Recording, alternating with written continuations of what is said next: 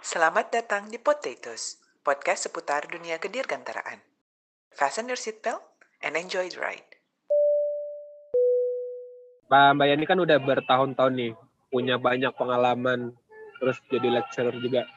Boleh nggak diceritain satu kasus yang udah rilis publik mungkin, yang menurut Mbak Yani secara personal tuh menarik atau apa ya, yang seru gitu? Secara personal sebenarnya buat saya semuanya rasanya sama ya kayak karena semuanya ada different aspek yang berbeda tiap investigasi saya uh, yang saya terlibat. Yang paling berkesan Tapi, deh.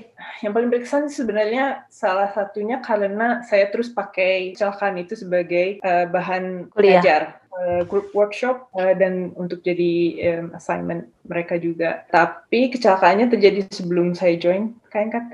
Oke. Okay. Kemudian nggak selesai masih ongoing waktu saya join dan terus terlibatnya pas report writing analysis and report writing and recommendation. Uh, dan itu PK GAI yang di buah nabar itu AA 300 before.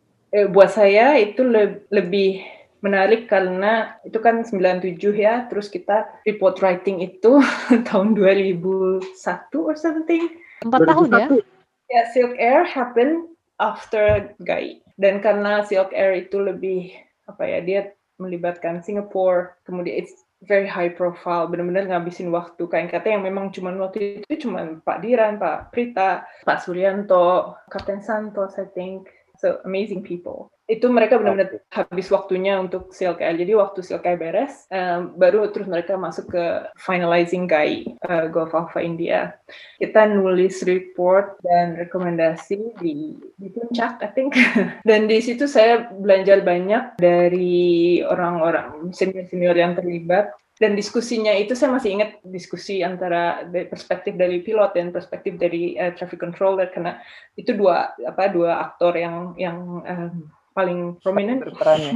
Terus waktu saya uh, saya pakai uh, PKGI untuk analisis workshop uh, itu terus banyak hal-hal lain yang terus muncul gitu. Dan dan actually saya lihat the, uh, reportnya lagi walaupun waktu itu metodologi analisisnya nggak structured seperti yang kita ajarin sekarang itu actually it's very good work, tapi banyak sekali elemen human factors yang nggak digali uh, di sana. Oke, okay. uh, boleh dirisem nggak hmm. kasusnya itu sebenarnya in general itu apa pada saat itu PKGA ini?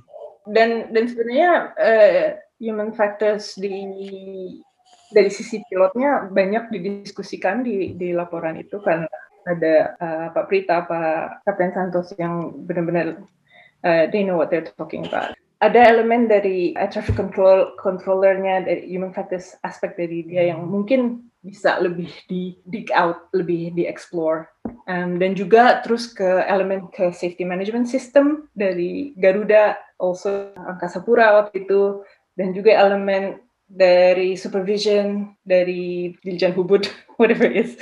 Um, dan juga dari elemen frameworknya sendiri. Jadi sebenarnya itu banyak kesempatan untuk belajar dari okay. Alpha India yang bisa implementasi lebih ke organisasi, faktor organisasi baik dari uh, Garuda, dari uh, Angkasa Pura, dari pemerintah. Itu sebenarnya banyak banyak elemen dari situ yang bisa di dig out, bisa dieksplor lebih banyak. Okay.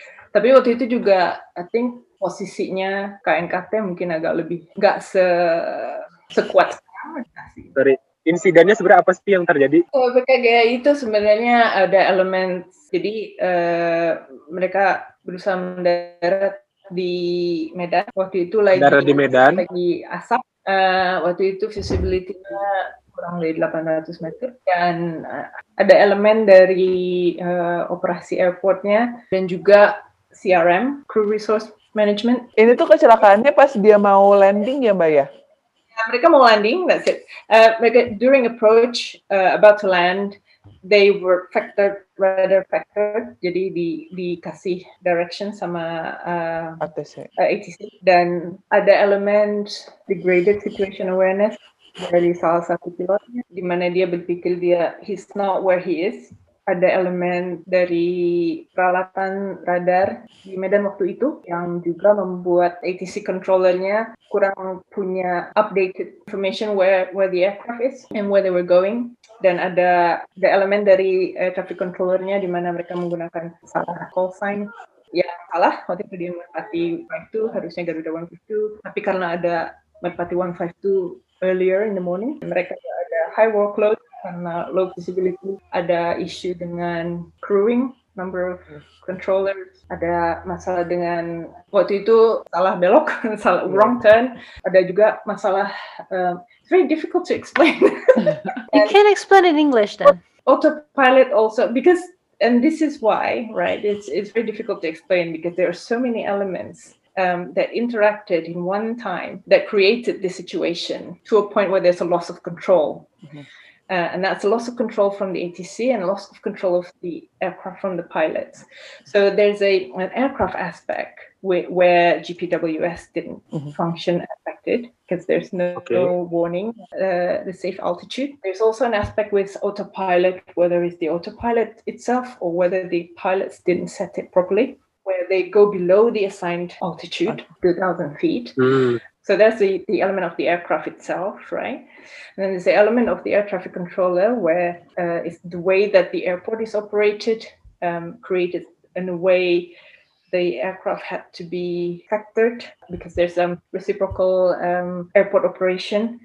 And then the there's some reliability issue with the radar returns in certain areas. Um, the ATC controller, obviously, there's a high workload because there's um, the low visibility. Uh, the airport is not closed because the rule says that it may be closed uh, if it's when if if it's below minima. There's no RVR, and there's local procedure which is not published to the pilot, and how there are factors or and and there's this bit about the missing communication of uh, making sure the pilots know that they are not doing a standard approach procedure, and there's a some kind of indication that the pilots were expected to do a standard approach procedure.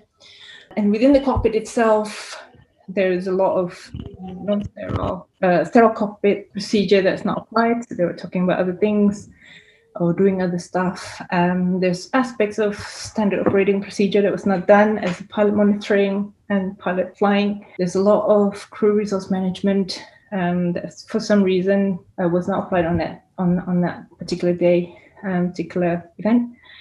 And all of these things, they created a situation where there was apparent confusion in the cockpit where they were supposed to go. At least one of the pilot thinking where Mm. they were this way, because CRM didn't really work.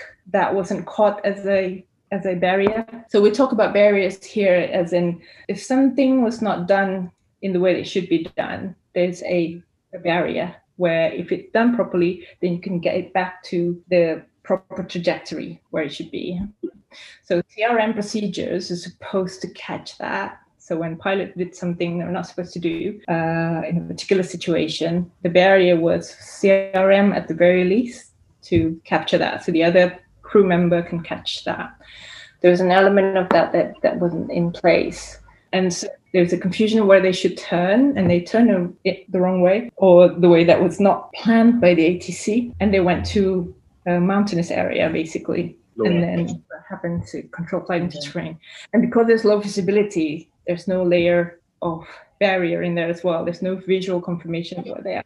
Um, there's now okay, well, in in terms in emergency phrasing, what ATC controller should be, should have done, uh, but you might not be trained for that, and so the training issue then becomes an organizational matter. Uh, there's an element of okay, the pilots don't seem to be doing the SOP properly. There's no proper CRM, but that's also an element of organizational factors in it. Were they trained to do that? How would they verify pilots? So it's always a management issue coming from that training issues, safety culture, and with the ATC equipment, um, was there risk assessment for that? Has an assessment for what it is now? bearing in mind we're all looking in hindsight yeah um, whatever it's like in 1997 is something else so a lot Okay. what we're saying a lot what we're saying here is such an advanced you know concept of safety advanced concept of safety management risk assessment organizational factors it may not be reasonable to expect that to be in place by then but those things you know we can see it differently from this point it's always different to see things in hindsight. Oh, they should have done this, they should have done that, could have done this, they could have done that. So what's more important in this case is why did the pilots do what they did at the time? Why did the ATC controllers do what they did at the time? Or why they didn't do things uh, what they did at the time?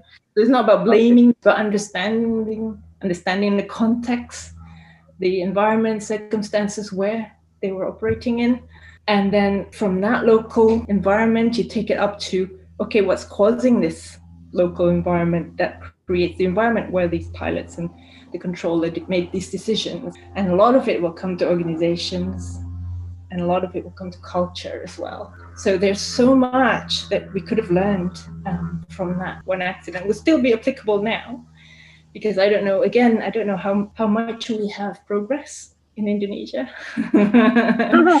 Safety culture, and it, it would be very interesting for me to to to know that.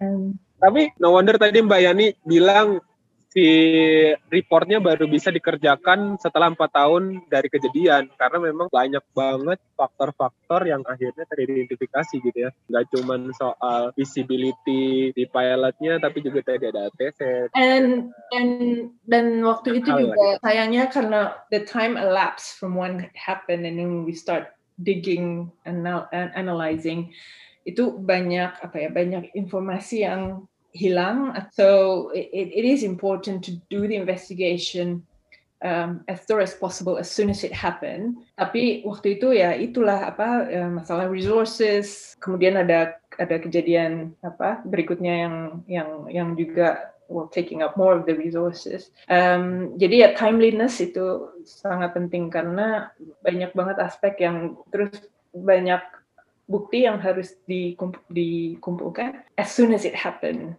and to understand that. Hmm. Tapi ya itu yang saya waktu saya lihat lagi reportnya it's actually a good report and it is but we need to be more brave to Itu culture issue ya. Indonesian culture issue. to bring up the issue to at the government level, at the organizational level, and then at the more systemic view about things, and really move away from this is the pilot's fault, this is the ATC fault, because they were doing what they what's best for them at the time, or what they think was best uh, at the time. Jadi lebih ke, I think kurang apa ya? Uh, for for what it is at the time, I think it's a very good report. Dan juga mungkin lebih apa ya lebih sesuai dengan atmosfer yang waktu itu di Indonesia. Mungkin mungkin uh, anak-anak muda bisa lebih berani. Tapi Oh ya, iya, 97 Tapi- ya, ingat. 97 terus menunggu 2001 ya oke lah tapi mbak eh, agak sedikit trivia kali ya. Di situ pengaruh banget nama yang namanya political will. Karena kan gini eh, investigasi itu kan ya tadi sebenarnya ditu- ditujukan untuk for blaming organization atau people gitu. Tapi memang cari apa ya why-nya tadi itu benar-benar untuk pembelajaran bersama yang baik sebenarnya kan. Nah tapi kan di situ bagaimanapun akan ada secara nggak langsung ada orang atau pihak-pihak yang mungkin tersudut lah gitu. Nah, balik lagi ke pertanyaannya, political will berarti di situ sangat berpengaruh ya untuk membuka diri supaya oke kesalahan kita gitu, kesan atau oke organisasi atau kami mengakui kesalahan gitu. Hmm. So kesalahan is the word we need never use again. Oke, apa istilahnya yang lebih tepat, Mbak? Areas of improvement. Oh, oke, oke. Uh, karena um, Annex 13 again itu memang uh, accident investigation tujuannya benar-benar untuk uh, improvement of safety, not Oke. to blame or Not label. blaming. Walaupun arahnya ke uh, organization or government itu tetap not blame. This was your blind spot. I'm going to say something quite hmm, sensitive. Awal-awal KNKT itu salah satu struggle-nya adalah memberi pembelajaran Oke.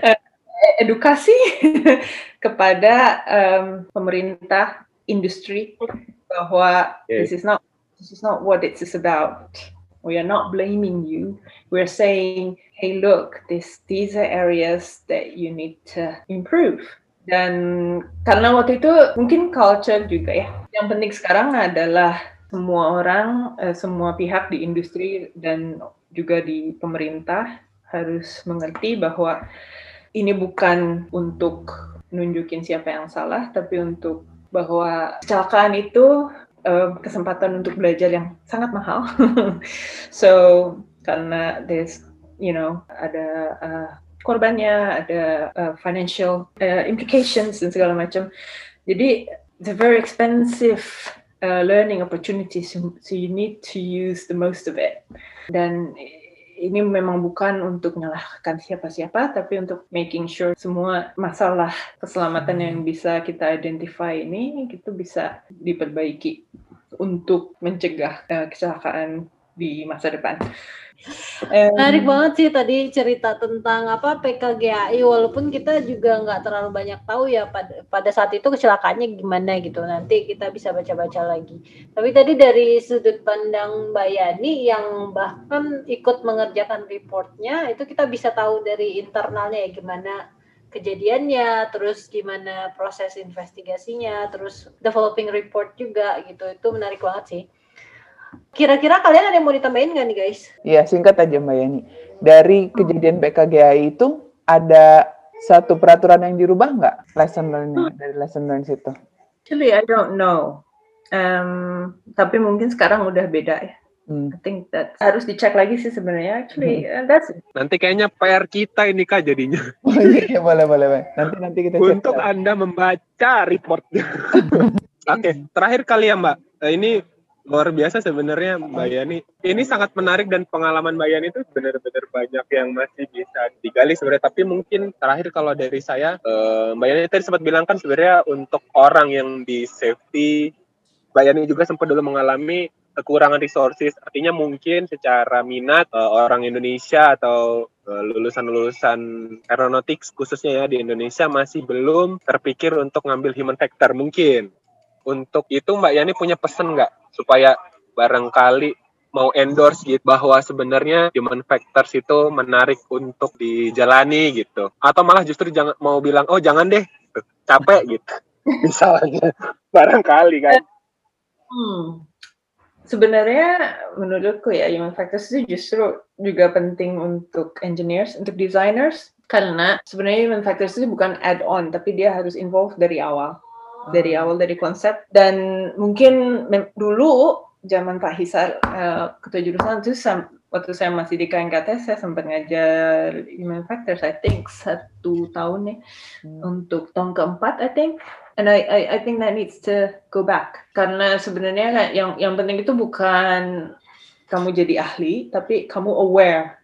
Uh, hmm. kamu apa ya mengerti atau mengenali bahwa ada. Ini adalah cukup penting dan dia itu sebenarnya urat nadi di semua operasi dan desain dan uh, maintenance. So it, sebenarnya dia lebih jadi thread untuk safety critical industry sebenarnya. Dan bukan cuma untuk safety kan, tapi juga untuk efficiency, productivity, and you know so human factors is not just about safety it is about efficiency cost cost is, is very interesting karena sebenarnya karena saya terlibat you know, the human machine interaction and development dan kalau misalnya saya masuknya late dan mereka udah develop system mm-hmm. interface display dan terus saya bilang well that's all wrong Oh iya iya iya betul betul.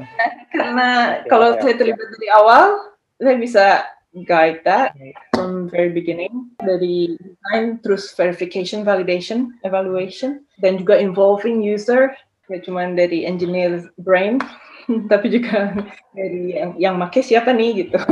Yeah. they may be differently than engineers. Jadi menurut saya ya sebenarnya itu adalah core skill even. Bukan untuk jadi expert tapi untuk aware. awareness. Uh, we do need okay.